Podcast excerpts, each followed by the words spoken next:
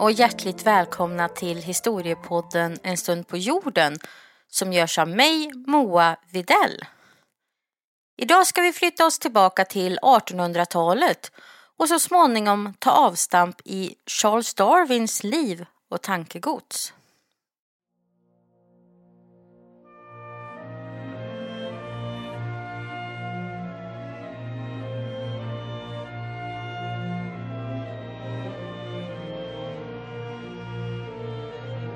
1800-talet karaktäriseras av en period med många förändringar.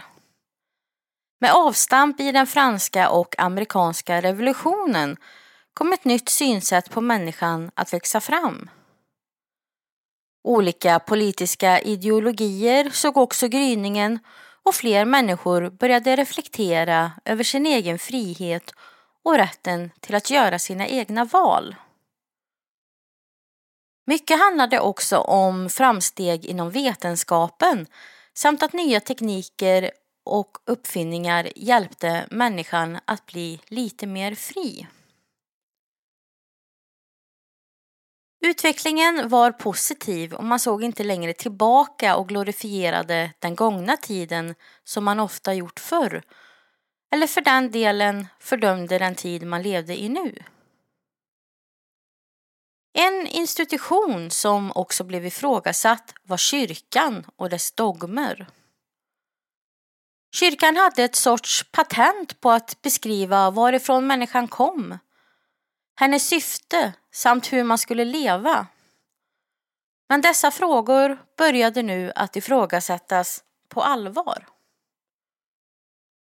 Avgörandet för en sorts brytning med kyrkan var den vetenskapliga inriktningen som skedde på flera sätt i samhället genom vetenskapliga upptäckter och främst deras syn på biologin. Nu kom den bibliska skapelseberättelsen att ifrågasättas. Vetenskapsmän frågade sig hur jorden kunnat skapas på sex dagar och motsatte sig tanken att planeten jorden var så ung som den påstods vara i Bibeln. Den franske filosofen och naturforskaren de Buffon konstaterade att jorden var minst 70 000 år gammal och kanske till och med 3 miljoner år gammal.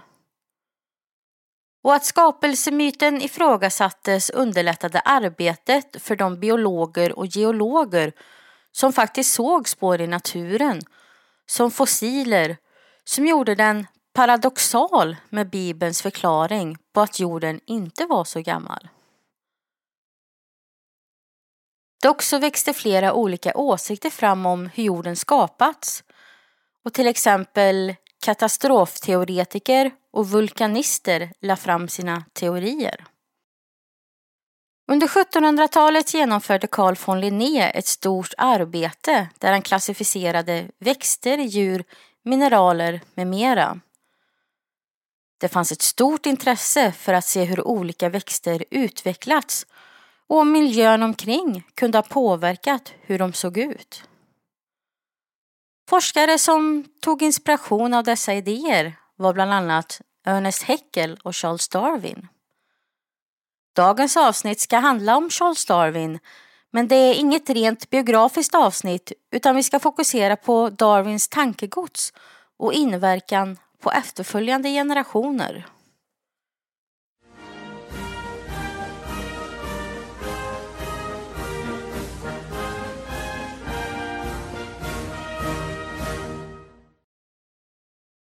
Charles Robert Darwin föddes i England år 1809 in i en välbeställd familj. Han hade fem syskon och var näst yngst i syskonskaran. Hans far var finansman och societetsdoktor och var mycket rik. Och redan som barn hade Charles ett eh, intresse för naturhistoria och han samlade gärna på saker som han hittade i naturen. Darwin hade en ofullständig akademisk bakgrund inom teologi och medicin. Och när Darwin blev skickad till ytterligare ett nytt universitet av sin far med hopp om examen blev han bekant med en botanikprofessor vid namn John Stephen Henslow och började gå i lära hos honom. Genom sina nya kontakter fick Darwin möjlighet att följa med på skeppet Beagle som skulle på en femårig forskningsexpedition runt jorden. Darwin samlade in massa material under expeditionen och på Galapagosöarna gjorde han en banbrytande upptäckt. Han såg att samma sorts fågelsläkte hade utvecklat olika egenskaper trots att de bodde relativt nära varandra. Avgörande för deras fysiska egenskaper var på vilket sätt de fångade och åt sin föda. Det här var startskottet för Darwins evolutionsteori. Hans forskning resulterade i boken om arternas ursprung som utkom år 1859 där han diskuterar varför dessa skillnader uppkom och vilken nytta de hade. Darwin konstaterade att samma system gäller för alla biologiska varelser. Och han lade en fas på vikten av att eh, de som utvecklade nya egenskaper hade en klar fördel och att de som var sämre utrustade naturligt skulle falla bort. Det skedde alltså ett naturligt urval. Darwin fick mycket motstånd för hans evolutionära idéer både från kyrkan och andra vetenskapsmän. Men Darwin hade flera lärjungar och det var de som främst fick vara ansiktena utåt i debatten. Själv var han en ganska blyg och tillbakadragen person. Och tack vare sin fars förmögenhet och ett gynnsamt ekonomiskt giftermål så behövde Darwin aldrig ta anställning under hela sitt liv. Han kunde istället ägna sig åt sina naturvetenskapliga intressen på heltid och ge ut böcker. Charles Darwin dog i en hjärtattack år 1882 vid 73 års ålder. Och han ligger begravd i Westminster Abbey tillsammans med andra engelska storheter som Isaac Newton och James Watt. Dock så försvann inte Darwins idéer med hans död. Många höll med honom i hans tankar och hade vid sidan om honom utvecklat sina egna experiment och forskningsstudier som resulterade i samma teorier eller liknande teorier.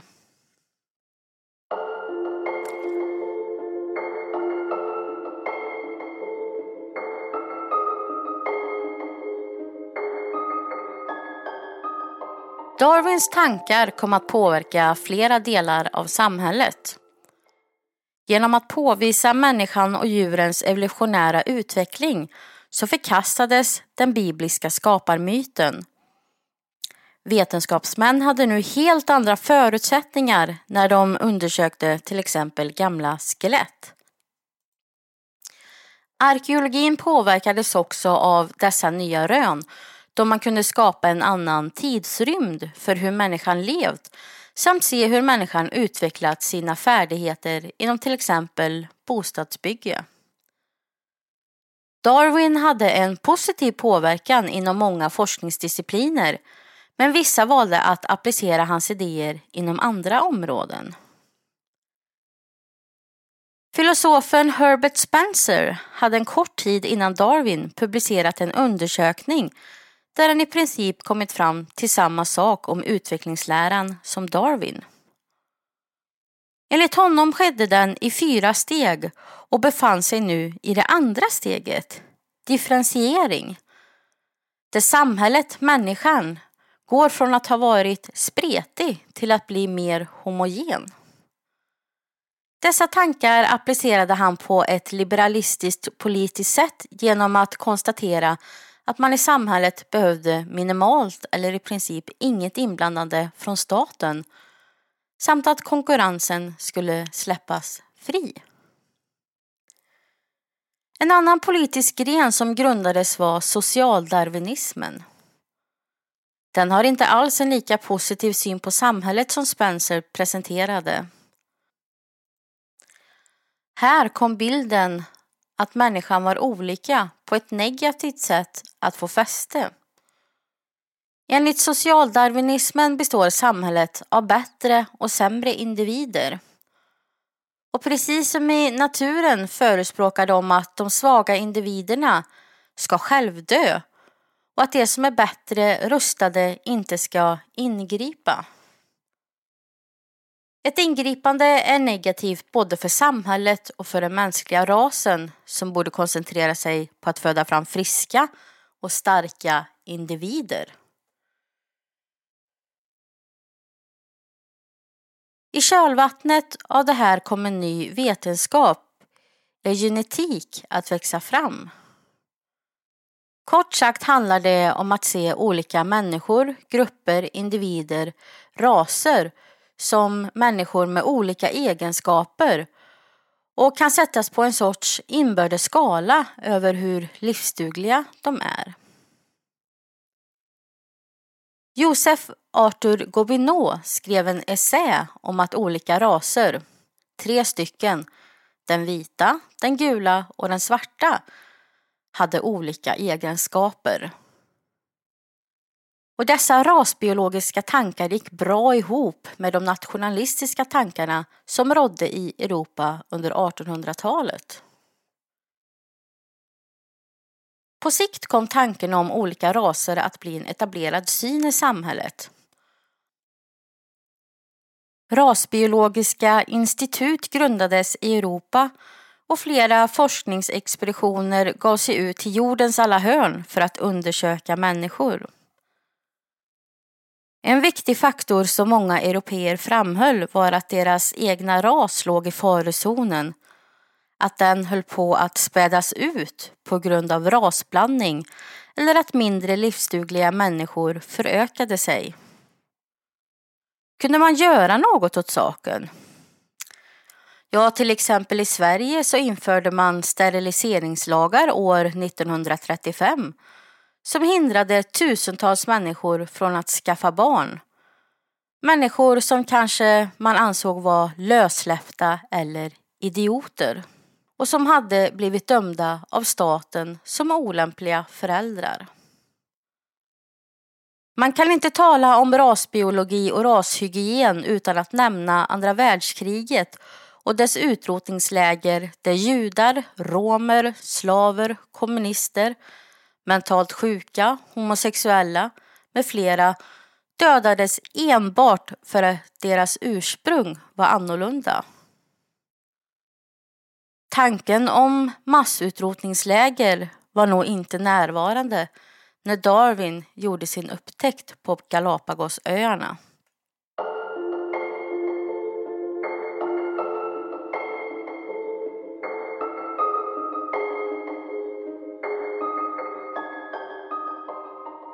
Idag är Darwins evolutionslära ett vedertaget begrepp och lärs ut i skolorna.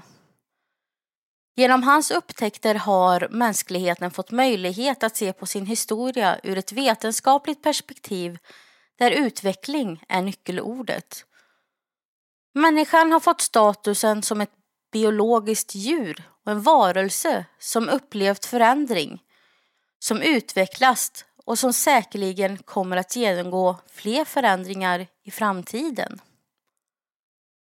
Precis som för arkeologerna så påverkades och påverkas också biologerna, antropologerna och historikerna etc. av Darwins syn på jorden som gammal. Och det har varit avgörande för mycket av deras arbete. Att sätta tillbaka åldern för jordens födelse har gjort det lättare för dem att sätta in till exempel fornfynd i ett nytt sammanhang och i en ny tidsram. Naturen har också fått en ny ställning sedan 1800-talet. Den är i högsta grad levande och utvecklas ständigt.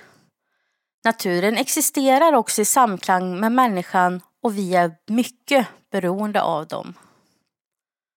Darwins idéer kan dock missbrukas.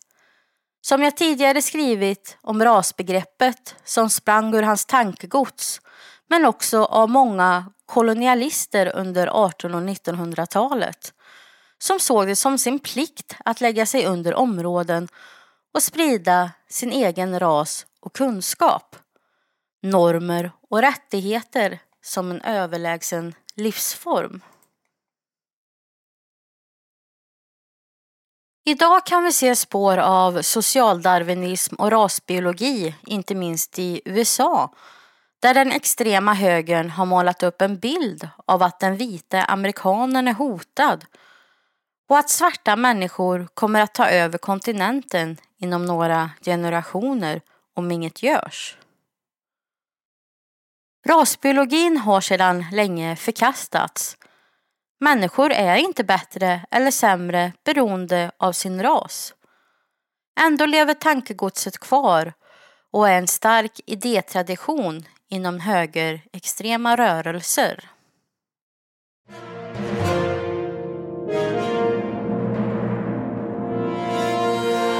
Vet du faktiskt en sak? Bilen uppfanns inte i USA. Nej, det var inte Henry Fords T-modell som kom 1908 som var den första bilen. Den första bilen skapades faktiskt på 1800-talet när de europeiska ingenjörerna Carl Benz och Emile Levasseur arbetade med biluppfinningar. Benz patenterade den första bilen redan år 1886. Tack för att ni lyssnat på veckans avsnitt. Jag önskar er alla en trevlig helg och hoppas att vi hörs snart igen.